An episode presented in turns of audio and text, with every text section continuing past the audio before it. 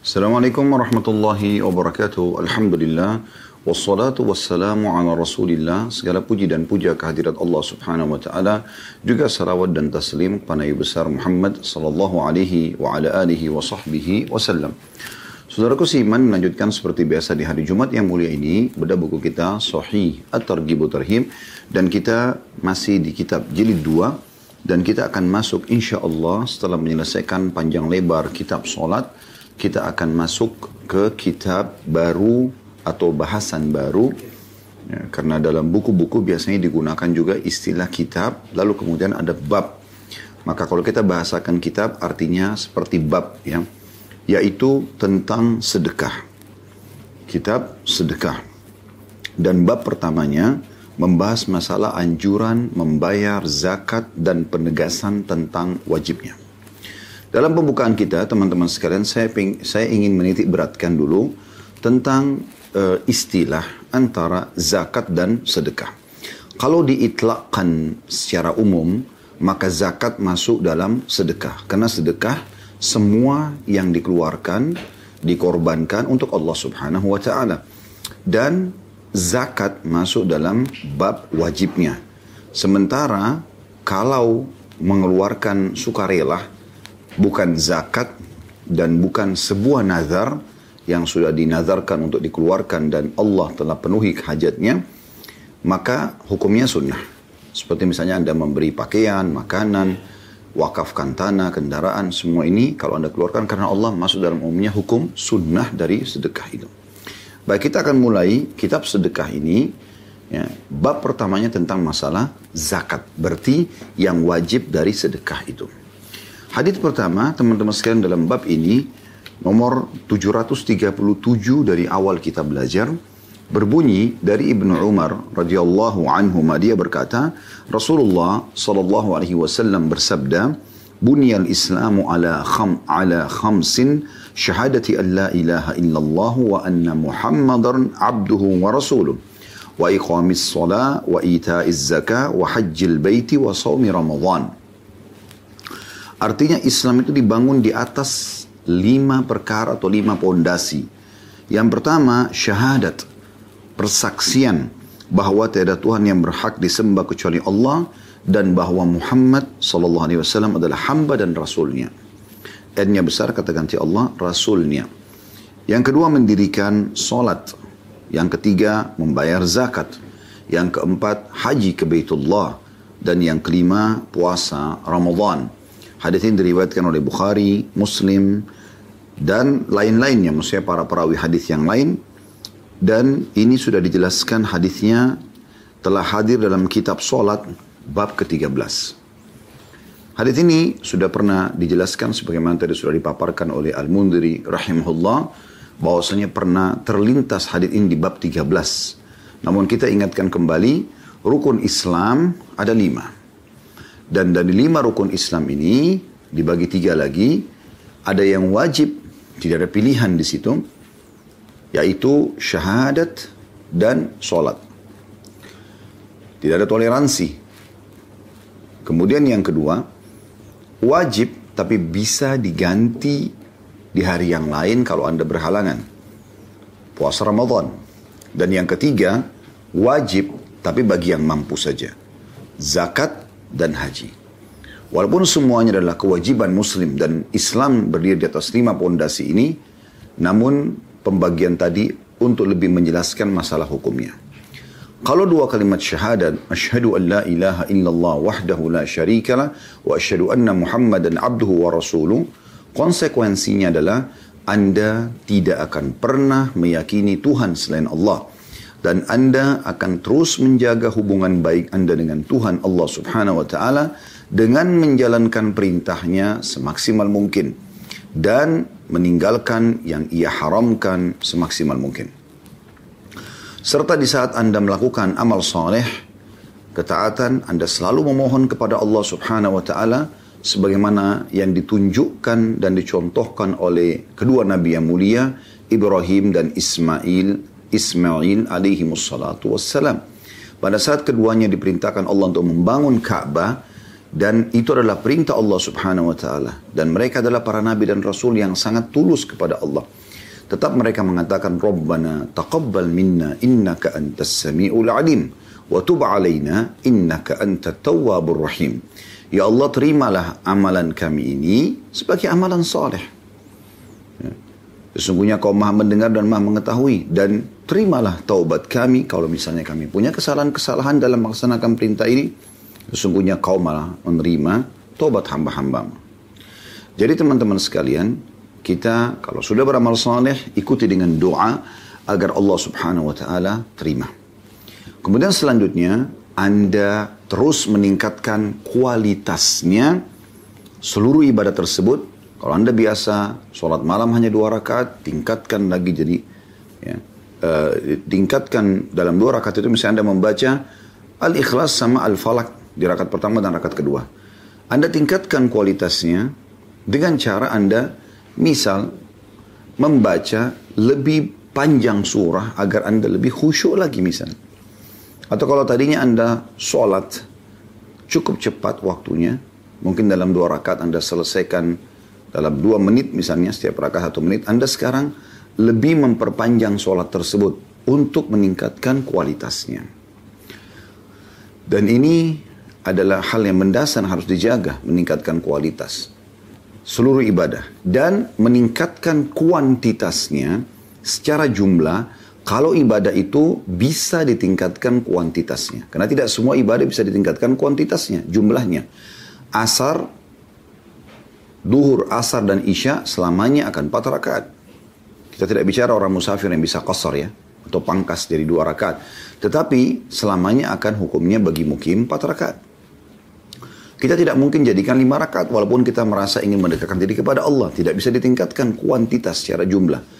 Tapi yang bisa ditingkatkan kuantitasnya seperti ibadah-ibadah sunnah. Biasanya Anda sholat malam dua rakaat. Sekarang Anda tingkatkan kuantitasnya menjadi empat rakaat. Anda sudah istiqomah, Anda tingkatkan lagi menjadi enam rakaat. Seterusnya sampai Anda tiba di angka maksimal yang telah dicontohkan dari Nabi SAW. Misalnya, mayoritas riwayat menyebutkan Nabi SAW menjaga sholat malam 11 rakaat, 8 rakaat tahajudnya dan 3 rakaat witirnya. Dan setelah itu, Anda istiqamah atau konsisten menjaganya sesuai dengan firman Allah Subhanahu wa taala wa'bud rabbaka hatta ya'tiyakal yakin. Kalau sudah sampai padamu kualitas dan kuantitas yang maksimal, maka tinggal jaga itu. Sembah Tuhanmu ya, sampai datang kepadamu kematian. Ya. Ini dalam hal ibadah. Taat kepada Allah subhanahu wa ta'ala dan meninggalkan apa yang Allah larang. Baik. Dan syahadat yang kedua, wa anna Muhammad Rasulullah, kita meyakini beliau diutus oleh Allah Subhanahu wa taala sebagai utusan Allah dan penutup para nabi dan rasul, maka kita sibuk mencontohi dan mengikuti ajaran beliau serta memperjuangkan ajaran tersebut sampai kita wafat. Ini konsekuensi dari dua kalimat syahadat. Kemudian solat. Solat ini kita bicara yang wajib. Anda punya kewajiban lima waktu solat dalam sehari semalam. Lima waktu solat dalam sehari semalam. Ya. Nah, lima waktu sholat ini, Bapak Ibu sekalian, adalah hal yang sangat ringan. Sangat ringan. Karena Anda hanya mengerjakan, kalau per sholatnya 10 menit, berarti dikali lima waktu sholat sehari, Anda hanya menghabiskan waktu 50 menit saja. Anda masih punya waktu 23 jam plus 10 menit untuk aktivitas yang lainnya. Yang sifatnya itu tidak sunnah, eh, tidak wajib. Kalau kita bicara keseharian ya, Kecuali bertepatan Ramadan, maka ada kewajiban puasa. Tapi sehari dalam keseharian umumnya selain Ramadan, kewajiban dalam keseharian adalah menjaga sholat itu. Maka ini konsekuensi dari sholat. Anda jaga kualitasnya, Anda jaga ya kehusyuannya, jumlah rakaatnya, Anda jaga tumak ninanya, ketenangannya, Anda jaga agar jangan ada yang luput pahalanya dari setiap gerakan dan bacaannya, maka Anda berarti sudah menjalankan rukun Islam yang kedua ini. Baik. Selanjutnya kita pindah ke bagian yang kedua yaitu yang bisa diqadha atau diganti di hari lain kalau Anda punya udur. Itu ada puasa Ramadan. Ya, dan Allah gambarkan dalam Al-Quran surah Al-Baqarah ayat 185 ya. tentang masalah Ramadan. Bagi orang yang musafir, orang yang sakit, punya udur, maka dia bisa, atau wanita haid misalnya, dia bisa mengganti di hari yang lain. Ya, tapi Anda tetap wajib mengganti di hari yang lain kecuali orang itu sudah sangat tua, pikun, tidak bisa lagi. Atau orang terkena penyakit kronis yang mengharuskan dia tidak bisa berpuasa, maka dia mengganti dengan fidyah. Fidyah ini adalah mengeluarkan kurang lebih ukurannya seperti zakat fitrah, dua setengah kilo makanan pokok kalau kita di Indonesia misalnya beras, atau tiga setengah liter setiap harinya dikali jumlah puasa Ramadan yang Anda tidak bisa lakukan. Kemudian kita pindah yang ketiga adalah bagi yang mampu. Itu adalah zakat dan haji. Nah, ini juga zakat dikerjakan sekali setahun. Bila memenuhi syaratnya, haul, masa setahun dari zakat itu dan nisab kadar minimalnya 85 gram emas. Di saat Anda ya mencapai ini, Anda wajib mengeluarkan dua setengah persen dari total harta yang Anda tabung dan investasikan. Ya, kemudian Anda berikan kepada delapan golongan yang teman-teman bisa baca dalam surah At-Taubah ayat 60. Mereka adalah orang-orang fakir, orang miskin, muallaf ya. Kemudian orang terlilit utang di jalan Allah orang terputus jalan ya. Pembebasan budak. Eh, ini orang-orang yang anda bisa atau golongan yang bisa anda berikan zakat termasuk juga amil zakat atau lembaga-lembaga yang mengelola zakat boleh memberikan pegawainya gaji dari zakat tersebut. Kemudian eh, haji juga sekali seumur hidup. Kalau haji lebih ringan, sekali seumur hidup bagi yang mampu. Cuma di sini saya ingin titip belakang karena kita sedang membahas tentang bab zakat, teman-teman sekalian. Jangan Anda berpikir, oh saya kan tidak mampu. Ya udah saya tidak usah pikirin bab zakat, tidak usah saya pikirin bab haji. Tidak teman-teman sekalian. Saya bisa membahasakan tanda kutip kalau kita bahas secara ya keimanan atau tazkiyatun nafs, pensucian jiwa. Kita menjadikan zakat dan haji adalah tanda kutip tantangan dari Allah Subhanahu wa taala. Ini bagi yang mampu. Kamu mau nggak tergolong orang yang mampu sehingga berhasil mendapatkan pahala zakat dan haji tersebut dengan dua cara. Yang pertama, niatkan sambil memohon kepada Allah Subhanahu wa taala agar bisa mengamalkan zakat itu sebelum Anda meninggal dunia supaya tercatat di buku amal Anda Anda pernah zakat. Demikian juga dengan haji walaupun sekarang Anda tidak mampu secara finansial. Tapi usahakan anda terus dengan tulus mohon kepada Allah. Ya Allah jangan wafatkan hambamu ini kecuali sudah menyempurnakan rukun Islam. Yaitu dengan termasuk mengamalkan zakat. Walaupun hamba belum punya harta. Haji walaupun hamba juga belum punya harta dan kemampuan untuk ke sana.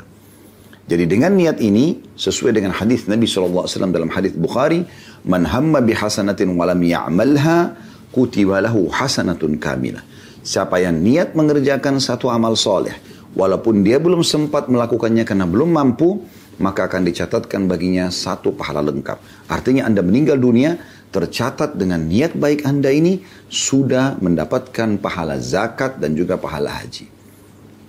Kalau Allah subhanahu wa ta'ala mudahkan Anda untuk mengerjakannya, ini poin yang keduanya.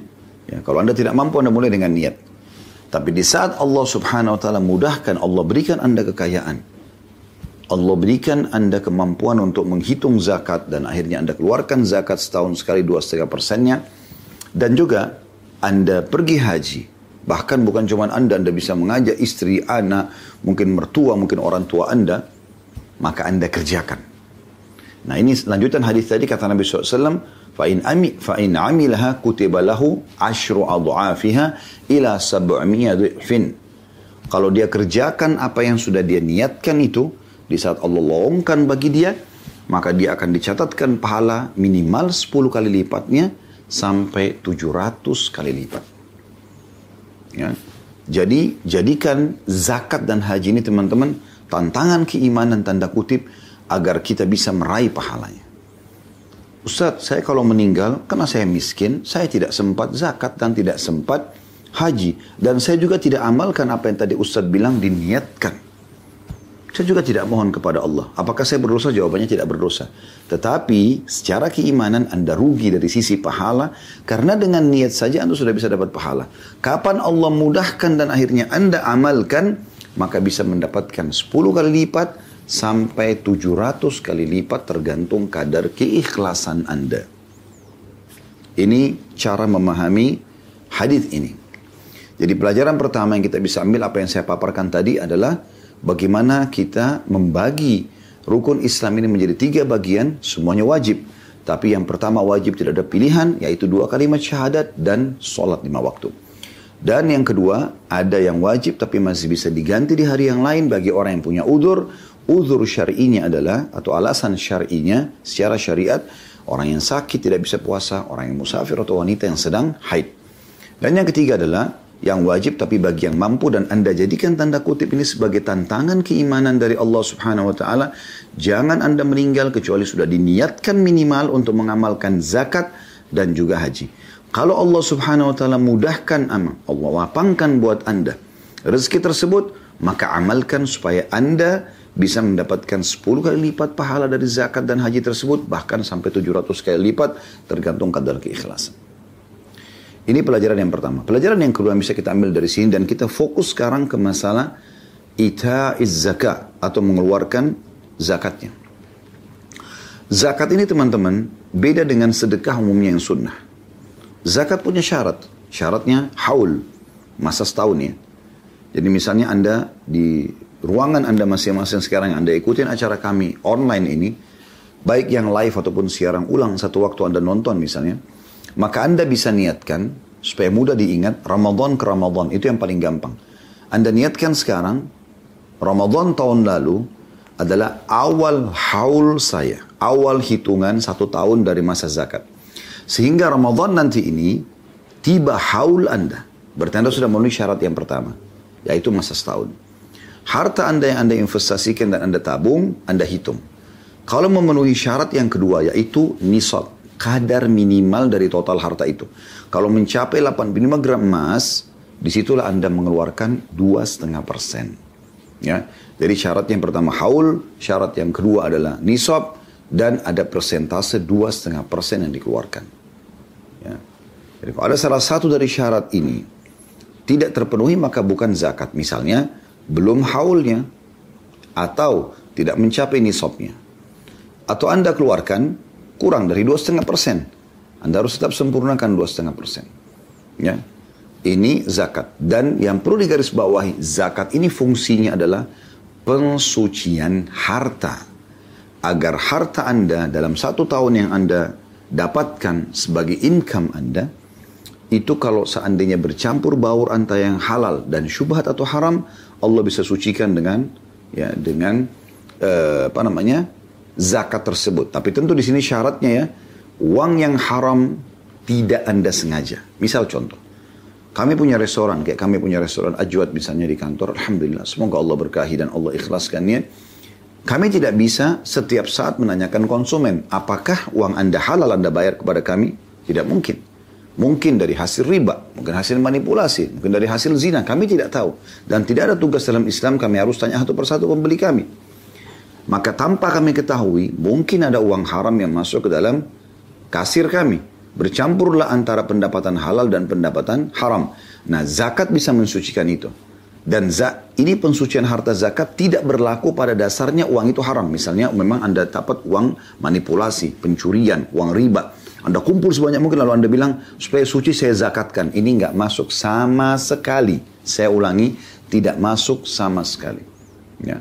Jadi itu yang perlu digarisbawahi. Baik. Perbedaan zakat ini dengan sedekah yang sifatnya sunnah. Ini kan zakat sedekah sifatnya wajib. Ada sedekah sifatnya sunnah. Yaitu Anda keluarkan dalam keseharian. Nah kalau ini tidak ada syarat nis haulnya masa setahun.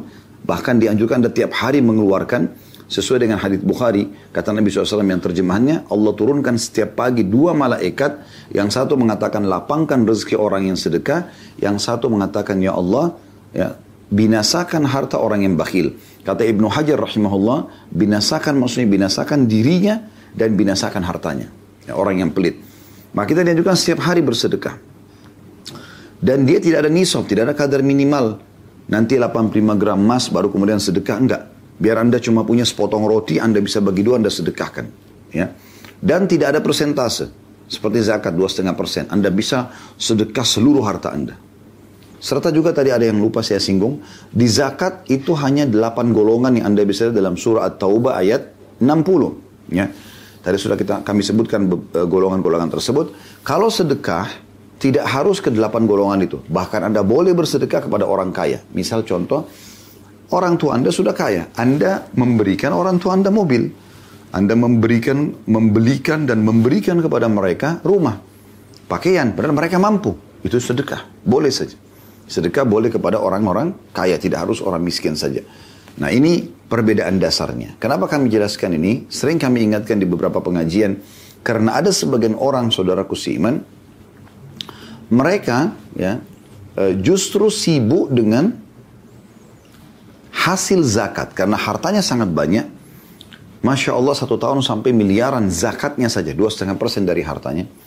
Dia tidak menghabiskan dan tidak segera mengeluarkan zakat itu di masa haul. Misalnya Ramadan ke Ramadan. Yang paling afdal Anda habiskan di Ramadan itu. Udah Anda keluarkan semua selesai. Tapi ada orang enggak. Karena dia tidak faham tentang fungsi masing-masing.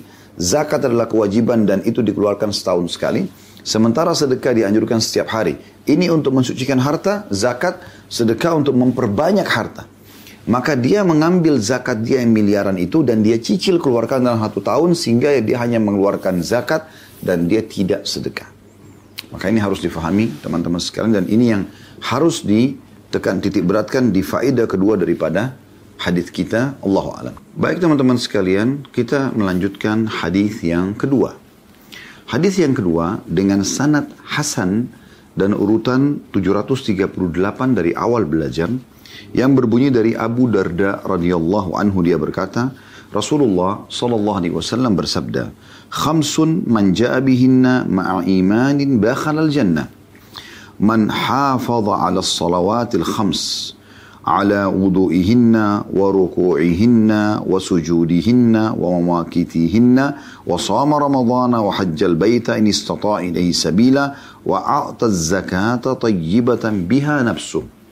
Artinya ada lima perkara kata Nabi SAW barang siapa yang mengamalkannya dengan dasar iman niscaya dia masuk surga yaitu barang siapa yang menjaga sholat lima waktu menjaga wuduknya, rukuknya, sujudnya, dan waktunya, lalu berpuasa Ramadan, lalu berhaji ke Baitullah jika ia mampu, dan membayar zakat dengan jiwa yang rela. Di sini ditulis al-hadith, ya. Dari hadis ini dan hadis ini diriwayatkan oleh Tabarani dalam Mu'jam al-Kabir dengan sanad jayyid dan sudah dibahas hadis ini dalam kitab solat di bab 13 juga. Namun kita akan coba tambahkan faedah dari hadis yang pertama tadi. Faedahnya di sini adalah dari potongan hadis khamsun man ja'a bihinna ma'a imanin dakhalal jannah. Ini yang digarisbawahi ma'a imanin dakhalal jannah. Ini tambahannya siapa yang mengamalkan kelima rukun Islam dengan keimanan.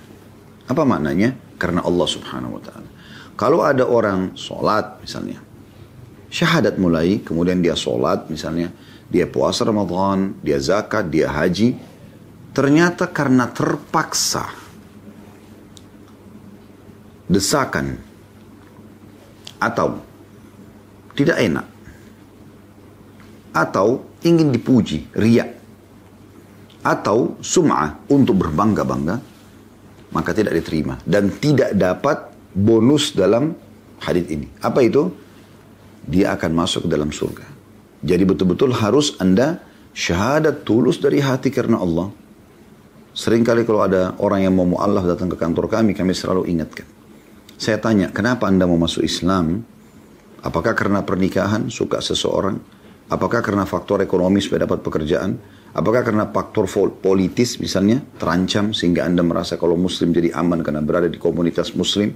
Apakah karena desakan teman-teman, ya, lingkungan, ya, atau indikasi apa yang lain urusan dunia? Nanti kadang umumnya mereka menceritakan karena ada yang mau menikah, karena begini dan begitu, maka yang niatnya karena dunia saya katakan diubah dulu, ikhlaskan niat. Lupakan pernikahan Anda, lupakan ekonomi Anda, lupakan rasa takut Anda. Anda harus faham Islam ini adalah agama yang benar dan hanya Islam yang diterima di sisi Allah SWT. Terima itu dengan ketulusan dari hati, karena tahu ini benar. Sehingga and, apa pun konsekuensi setelah syahadat Anda bisa menerimanya, karena Anda tahu ini kebenaran. Karena kalau orang masuk Islam karena syahadat karena mau nikah, setelah dia syahadat ternyata nggak jadi nikah sama calon yang dia harapkan. Bisa batalkan bisa dia batalkan syahadatnya, bisa dia murtad kembali kan. Atau kena berharap dapat pekerjaan dari atasannya yang muslim. Ternyata dia tidak dikasih pekerjaan, dia bisa tinggalkan Islam. Atau karena faktor politik, dia khawatir keamanannya maka dia masuk Islam. Begitu dia sudah aman, dia tinggalkan. Ya kan? Tapi kalau karena Allah subhanahu wa ta'ala, suka dan duka yang datang setelahnya, dia tetap pertahankan keislamannya sampai dia mati. Nah ini namanya karena iman. Dan ini akan dapat masuk surga. Sholat juga begitu. Bukan karena nggak enak sama atasan, tetangga, bukan karena didesak sama orang tua, tapi karena mengetahui ini perintah Allah dan mengejar keutamaannya. Nah, masuk dalam dapat bonus surga. Mengeluarkan zakat juga sama. Di sini dikatakan uh, tayyibatan biha nafsu. Artinya dengan dengan kerelaan hatinya. Memang dia mau zakat. Ada orang gak ada orang tahu, tetap aja dia zakat karena Allah. Puasa Ramadan bukan karena lingkungannya semua muslim puasa jadi nggak enak. Bukan karena orang tuanya, tidak. Karena dia ingin kerjakan karena Allah. Haji juga, bukan karena hanya diberikan bonus oleh uh, perusahaannya misalnya, atau dihajikan oleh keluarganya. Itu dia terima kasih. Tapi tetap niatnya karena Allah subhanahu wa ta'ala. Bukan karena ingin pamer, riak, sumah, bukan. Tapi dia karena Allah SWT. Nah di situ kalau dia kerjakan, maka dapat bonus yang dijanjikan dalam hadis ini, yaitu dakhalal jannah. Dia akan masuk ke dalam surga. Itu tambahan faida dari hadis yang tadi yang pertama. Karena hadis yang pertama sudah kita jelaskan dua faidahnya ya. Sekarang kita tambah yang ketiga, yaitu kalau Anda kerjakan semua ini karena keimanan, lima rukun Islam Anda, maka dipastikan Anda akan masuk ke dalam surga di saat Anda meninggal dan semoga Allah SWT menjadikan kita semua termasuk orang yang selalu mengerjakan karena Allah Subhanahu wa taala seluruh amal-amal kita dan kita meninggalkan kemaksiatan juga karena Allah subhanahu wa ta'ala. Hadis yang ketiga, saudaraku siman, dengan sanad sahih di ghairihi, atau menjadi sahih karena dikuatkan dengan riwayat-riwayat yang lain. Hadis nomor 739, dari awal belajar berbunyi dari Mu'adz bin Jabal radhiyallahu anhu dia berkata, "Kuntu ma'a Rasulillah sallallahu alaihi wasallam fi safar, fa asbahtu yawman qariban minhu wa nahnu nasir, fa qultu ya Rasulullah, akhbirni bi'amalin yudkhiluni al-jannah." ويباعدني من النار قال لقد سألت عن عظيم عن عن عظيم وإنه ليسير على من يسره الله عليه تعبد الله ولا تشرك به شيئا وتقيم الصلاة وتؤتي الزكاة وتصوم رمضان وتحج البيت Artinya, aku pernah bersama Rasulullah Sallallahu Alaihi Wasallam dalam satu perjalanan. Suatu hari aku berada di dekat beliau sementara kami berjalan. Aku berkata, Ya Rasulullah, beritahukan kepadaku suatu amal yang memasukkanku ke dalam surga dan menjauhkanku dari neraka. Maka Rasulullah SAW bersabda, kamu telah bertanya tentang perkara yang besar, agung. Tapi ia adalah mudah bagi orang yang dimudahkan oleh Allah. Beribadalah kepada Allah dan jangan menyekutukannya dengan sesuatu pun mendirikan solat, membayar zakat, berpuasa Ramadan dan berhaji ke Baitullah. Di sini ditulis al-hadis, maksudnya masih ada lanjutan hadis tapi dicukupkan oleh Al-Mundiri rahimahullah sampai ke sini karena dianggap ini saksi bahasan yang perlu dibahas. Diriwayatkan oleh Imam Ahmad, At-Tirmidzi dan dia mensahihkannya juga An-Nasai dan Ibnu Majah meriwayatkannya. Dan dikatakan akan disebutkan selengkapnya dalam kitab adab bab anjuran diam insya Allah. Maksudnya lanjutan hadisnya akan ada nanti dalam kitab adab. Baik teman-teman sekalian, kita coba korek mutiara dari hadis ini. Semoga Allah SWT mudahkan. Yang pertama, kemuliaan dan kecerdasan Muadz bin Jabal radhiyallahu anhu sebagai penuntut ilmu sekaligus sahabat Rasulullah sallallahu alaihi wasallam. Di sini bagaimana Mu'adz bin Jabal mengatakan, satu hari saya pernah sedang safar bersama Nabi SAW dan bertepatan aku sedang posisi dekat dengan Nabi. Lalu apa yang dia ceritakan? Dia sedang menyampaikan bagaimana dia memaksimalkan waktu pada saat dekat Nabi Shallallahu Alaihi Wasallam. Dia pun bertanya. Jadi kalau anda sedang berada di dekat seorang alim dan memang anda melihat tidak mengganggu waktu dia, coba minta nasihat kah, tanya sebuah hukum kah. Di sini Mu'adz bin Jabal memberikan pelajaran itu kepada kita. Dia gambarkan dulu, saya pernah satu kali dalam safar bersama Nabi SAW. Artinya satu perjalanan bersama-sama. Dan ditambah lagi aku sedang dekat dengan beliau. Kayak lagi lowong waktu gitu. Maka aku pun lalu bertanya kepadanya, Ya Rasulullah, pertanyaan yang luar biasa. Dia mengatakan, Ya Rasulullah, beritahukan kepadaku satu amalan. Yang kalau aku kerjakan bisa memasukkan aku ke dalam memasukkan aku ke dalam surga dan menjauhkan aku dari api neraka. Ini luar biasa ini. Kecerdasan Mu'adz ini luar biasa. Langsung dia pada target tujuan utama setiap mukmin surga. Semoga Allah jadikan kita penghuninya tanpa hisab. Allahumma amin. Dan di surga Firdaus insya Allah. Dan langsung dia minta diselamatkan dari siksa yang menyakitkan yaitu neraka. Kalau orang tercatat di dunia Allah catat dia sebagai ahli surga dia sudah dijamin di surga di dunia dia nikmat di akhirat juga dia selamat dihapus sampai dari, dari penghuni api neraka, di dunia dia akan mengerjakan amal di surga, dan di akhirat dia akan selamat dari api neraka. Itu kan sebuah kenikmatan luar biasa. Ini pelajaran yang pertama. Bagaimana kecerdasan Mu'ad bin Jabar radhiyallahu anhu. Dan bagaimana seharusnya setiap orang di antara kita memaksimalkan untuk minta nasihat, masukan dari orang-orang yang memang layak kita meminta itu dari mereka. Karena mereka punya ilmu, ya mereka punya ilmu, mereka punya iman, mereka punya amal-amal dan kedekatan amal-amal saleh dan kedekatan diri kepada Allah Subhanahu wa taala. Pelajaran yang kedua yang bisa kita ambil adalah bagaimana Nabi alaihi salatu wassalam sebagai seorang guru sekaligus nabi tentunya menggambar dan merespon permintaan muridnya sekaligus sahabatnya dan menggambarkan bahwasanya apa yang kau tanya ini azim diambil dari potongan sabda Nabi SAW, Laqad sa'alta an azim. Kau sudah bertanya sesuatu yang luar biasa besarnya. Maksudnya bukan berat, bukan bukan sesuatu yang salah, tapi kau bertanya sangat tepat. Yang kalau kau dapatkan dan kau amalkan ilmu ini, maka cukup menyelamatkanmu. Karena minta amal yang bawa ke surga dan selamatkan dari api neraka. Ini saya katakan tadi target utama.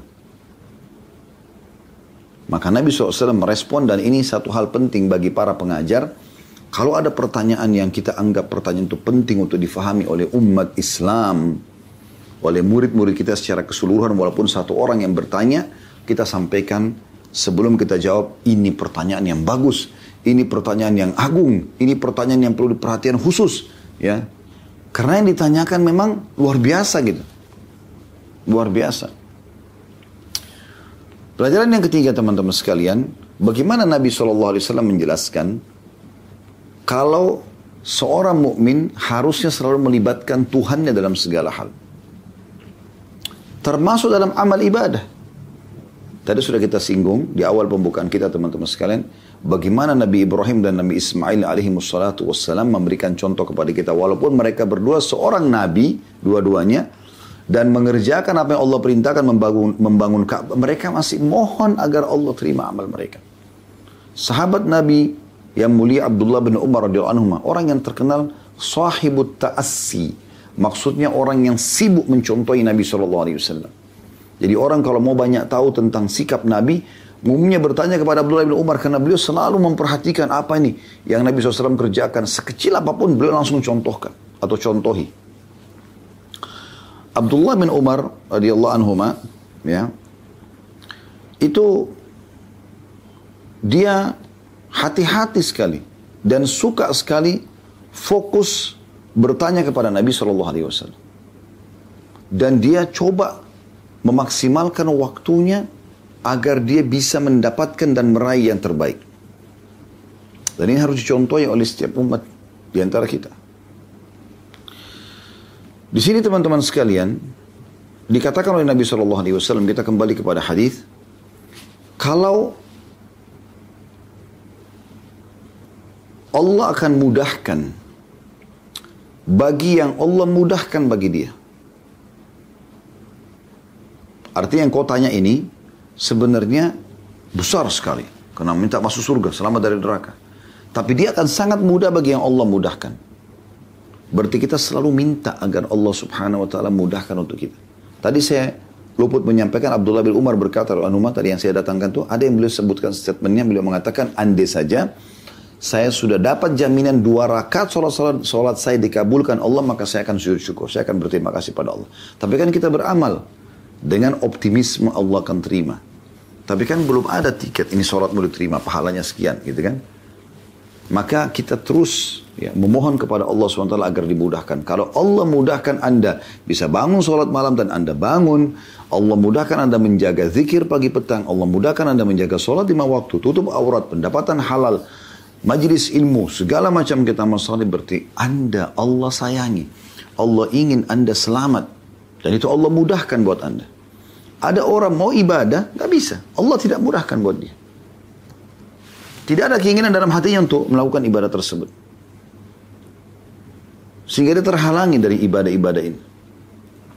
Maka di sini dikatakan wa innahu la yasirun ala man yassarahu Allahu alaih. Sesungguhnya apa yang kau tanya ini hai Muad untuk masuk surga dan selamat dari neraka akan mudah bagi orang yang Allah mudahkan. Sampai Ali bin Abi Thalib mengatakan radhiyallahu anhu, siapa yang Allah mudahkan lisannya istighfar, maka berarti Allah tidak ingin menyiksanya. Ada orang tidak terfikir dia, apalagi mau untuk mengucapkan istighfar itu. Ya. Jadi ini poin yang penting untuk digaris bawahi. Ya. Jadi kita mohon kepada Allah subhanahu wa ta'ala agar dimudahkan urusan kita. Ini pelajaran yang ketiga. Pelajaran yang keempat, Ya, pelajaran pertama tadi kecerdasan Mu'ad, pelajaran kedua adalah bagaimana sikap Nabi SAW sebagai seorang guru dan memuji pertanyaan tersebut ya, agar orang lebih perhatian lagi. Yang ketiga, selalu memohon kepada Allah Subhanahu wa taala agar dimudahkan ibadah ini dan juga Allah mudahkan juga kita menjauhi kemaksiatan. Yang keempat adalah wasiat Nabi SAW tentang jawaban terhadap pertanyaan Mu'ad. Bagaimana supaya masuk surga dan selamat dari neraka? Belum menyebutkan. Kau menyembah Allah tanpa menyekutukannya sedikit pun. Ya, ini konsekuensi dari syahadat pertama. Asyhadu la ilaha illallah. Selalu asyhadu an la ilaha illallah. Artinya tidak ada Tuhan yang berhak disembah kecuali Allah. La ma'buda bihaqqin illallah. Lalu dia sebut terus Allah. Allah mudahkan. Allah maaf. Semoga Allah mudahkan. Semoga Allah mudahkan. Semoga Allah maafkan. Ya. Ya, jadi eh, semoga Allah berkahi. Selalu Allah. Apa pun harta yang ada sama dia, Allah amanahkan. Selalu Tuhan yang dia muliakan. Ya. Dan tidak pernah menyekutukan Allah. Tidak minta-minta sama jin, dukun, patung, dan segala macam. Kemudian mendirikan sholat. Kemudian menunaikan zakat, puasa Ramadan, dan haji.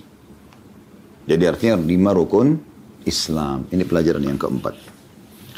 Hadis yang terakhir yang kita pelajari pada kesempatan ini, teman-teman sekalian, baru kita buka pertanyaan, yaitu hadis yang keempat, hadis dengan sanad sahih di ghairihi, dan urutan 740 dari awal belajar, berbunyi dari Aisyah radhiyallahu anha bahwa Rasulullah sallallahu alaihi wasallam bersabda, "Thalathun ahlifu alaihinna." La yaj'alullahu man lahu sahmun fil islami kaman la sahma lahu ashumul islami thalatha as-salatu was-sawmu waz-zakatu wa la yatawalla Allahu 'abdan fid dunya fayuwallihi ghayrahu yawmal qiyamah Artinya, ada tiga perkara, kata Nabi SAW, yang aku bersumpah atasnya. Artinya ini pasti benar dan perhatikan baik-baik. Allah tidak akan menjadikan orang yang memiliki saham dalam Islam seperti orang yang tidak memiliki saham. Artinya balasannya Allah besar sekali bagi orang yang punya saham. Lalu beliau mengatakan, dan saham Islam itu yang paling besar ada di tiga. Salat, puasa, dan zakat. Dan dia, dan tidak tidak akan terjadi Allah mengangkat seorang hamba di dunia, lalu dia menolong selainnya pada hari kiamat. Di sini ditulis al-hadis, maksudnya hadis ini ada lanjutannya tapi sampai sini diangkat oleh Al-Mundri sebagai saksi bahasan. Ya. Mohon maaf tadi saya bilang hadis terakhir ya. Hadis keempat saya akan tambahkan karena setelah saya lihat hadis yang kelima dan enam ini adalah serupa. Tapi yang ada matan hadis, isi hadis adalah hadis yang kelima. Hadis keenam, dua-duanya hanya sanatnya saja. Baik, saya akan bacakan langsung hadis keenam, ah, hadis kelima dengan sanad Hasan di ghairi dan nanti sekaligus kita jelaskan insya Allah sebagai penutup bahasan kita. Hasan di ghairihi, maksudnya menjadi Hasan karena dikeluarkan dengan riwayat-riwayat lain urutan 741 dari awal belajar. Berbunyi dari Hudzaifah radhiyallahu anhu dari Nabi SAW beliau bersabda, Al-Islamu thamaniyatu ashum. Al-Islamu sahmun, was-salatu sahmun, was-zakatu sahmun, was-sawmu sahmun, wa hijjul baiti sahmun, wal amru bil ma'rufi sahmun, wan nahyu 'anil munkari sahmun, wal lahu. Islam terdiri dari delapan saham. Kalau hadis tadi, tiga saham. Islam adalah satu saham sendiri.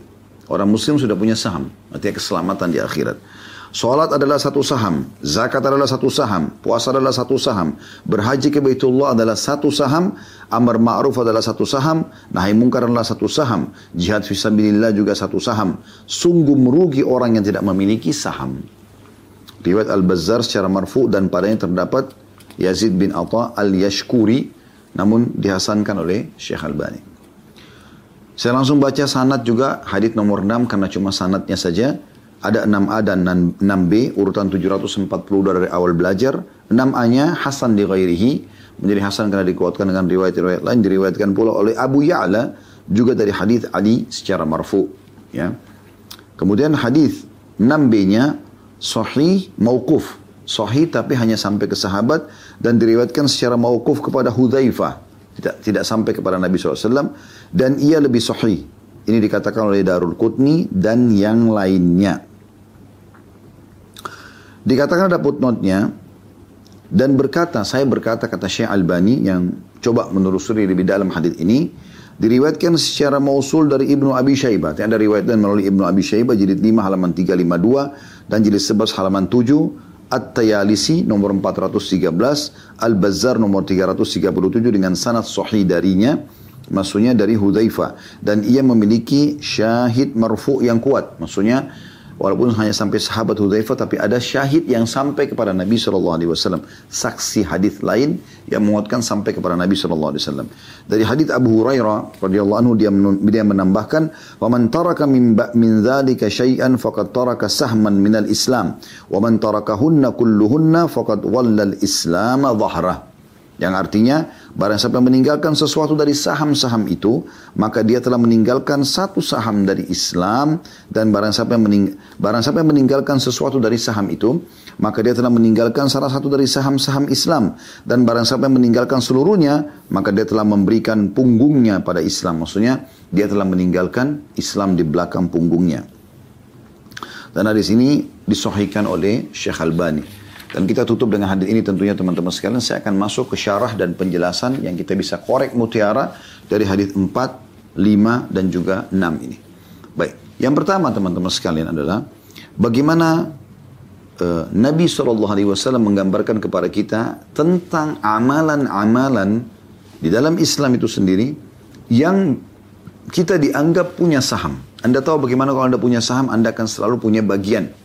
Ya, Nabi SAW menjelaskan menggunakan istilah saham supaya orang tahu. Artinya kalau anda amalkan ini yang dianggap saham dalam Islam, tidak semua amalan, tapi amalan tertentu saja, maka anda akan sangat panen pahala yang besar pada hari kiamat. Ya. Maka ini Nabi SAW bersumpah. Di hadis nomor 4, Nabi SAW bersumpah menyebutkan tiga saham. Dan di hadis nomor 5 disebutkan delapan saham. Apa bedanya? Bedanya adalah di hadis keempat, Nabi SAW bersumpah kalau dari delapan saham hadis kelima, yang paling penting adalah tiga ini. Itu maksudnya. Jadi bukan pembatasan tiga saham di hadis keempat, dan ada delapan saham di hadis kelima. Tapi maksudnya adalah, di hadis keempat, yang terpenting dari saham-saham tersebut adalah tiga. Dan di hadis kelima, yang, ter, ya, yang saham secara umum ada delapan, sebagaimana tadi sudah kita bacakan, dan kita akan kita bacakan sebentar lagi. Jadi ini pelajaran yang pertama.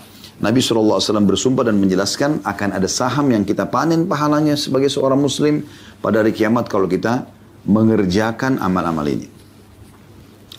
Kemudian Nabi SAW di dalam hadis ini pelajaran kedua menjelaskan siapa yang tidak punya saham ini, tidak ada satupun dari tiga yang telah Nabi SAW sumpah dari saham-saham ya, dari sholat, puasa dan zakat ya, di hadis keempat atau di hadis kelima dari delapan saham tersebut maka dia tidak punya saham sama sekali artinya di akhirat dia akan celaka.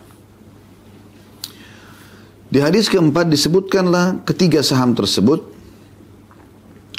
yaitu sholat, puasa, dan zakat. Dan saksi bahasan kita sini zakat. Berarti sebagaimana posisi sholat ya, dan puasa itu penting, maka zakat pun tidak kalah penting. Apalagi umumnya dalam firman firman Allah SWT masalah sholat, umumnya Allah mengatakan wa iqamus sholati wa ita'iz zakat. Yukimuna sholat wa yu'tuna zakat mereka mendirikan sholat dan mereka menunaikan zakat. Jadi umumnya bercam, bergabung antara sholat dan zakat. Makanya Abu Bakar radhiallahu pada saat menemukan di hari eh, setelah meninggalnya Nabi SAW dan di zaman beliau menjadi khalifah atau menjadi raja ada penolak-penolak zakat, nggak mau bayar zakat. Maka dikenal dengan mani'uz zakah. Apa yang terjadi? Abu Bakar siapkan pasukan untuk menyerang mereka. Umar sempat mengatakan, ya Abu Bakar, kenapa kita tidak coba kirim da'i ke mereka saja dulu? dakwahi mereka gitu. Maka Abu Bakar memberikan penjelasan yang Umar mengatakan, saya mengetahui Abu Bakar dalam keadaan benar setelah dia jelaskan. Dia mengatakan, demi Allah saya akan memerangi siapa yang membedakan antara sholat sama zakat. Jadi kalau orang tinggalkan sholat kita perangi, maka begitu juga orang meninggalkan zakat. Ya. Baik ini penjelasan atau mutiara yang bisa diambil daripada hadis ini yaitu mutiara yang kedua. Mutiara yang pertama tadi tentang sumpah Nabi Shallallahu Alaihi Wasallam. Mutiara yang ketiga teman-teman sekalian dikuatkan dengan hadis yang kelima. Ternyata disebutkan ada delapan saham. Tadi sudah disebutkan ada tiga sholat, puasa, dan zakat. Di hadis kelima sudah disebutkan tiga ini. Berarti ada lima yang belum disebutkan. Lima itu adalah Islam sendiri.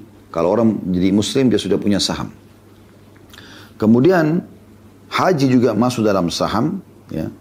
Kemudian menyeru pada kebaikan saham, melarang dari kemungkaran saham dan jihad di tanah Allah adalah saham.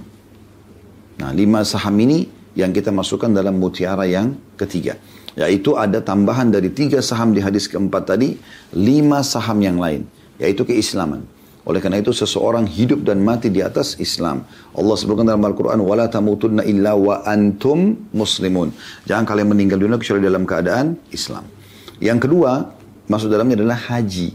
Di saat Allah SWT mudahkan Anda untuk mengerjakan ibadah haji, kerjakan. Walaupun sekali seumur hidup Anda sudah punya saham yang akan menyelamatkan dan Anda panen pahala pada hari kiamat nanti. Ya. Kemudian yang ketiga adalah amr ma'ruf. Selalu mengingatkan pada kebaikan. Kalau ma'ruf itu ditinggalkan, perintah Allah ditinggalkan, maka Anda mengingatkannya. Ya, Ada orang yang mengerjakan dan berikan dukungan. Yang keempat adalah nahi mungkar. Melarang dari kemungkaran. Kemungkaran apa pun yang Anda lihat, Anda ingatkan. Supaya dia jangan terjerumus. Dia terima tidak terima bukan urusan Anda. Yang penting Anda sudah ingatkan. Yang terakhir, yang kelima adalah jihad. Di saat Allah mudahkan ada pintunya, benar sesuai dengan syariat, Anda siap membela agama Allah SWT. Maka ini berarti Anda punya saham yang Anda siap panen dalam bentuk pahala pada hari kiamat nanti. Allahu a'lam.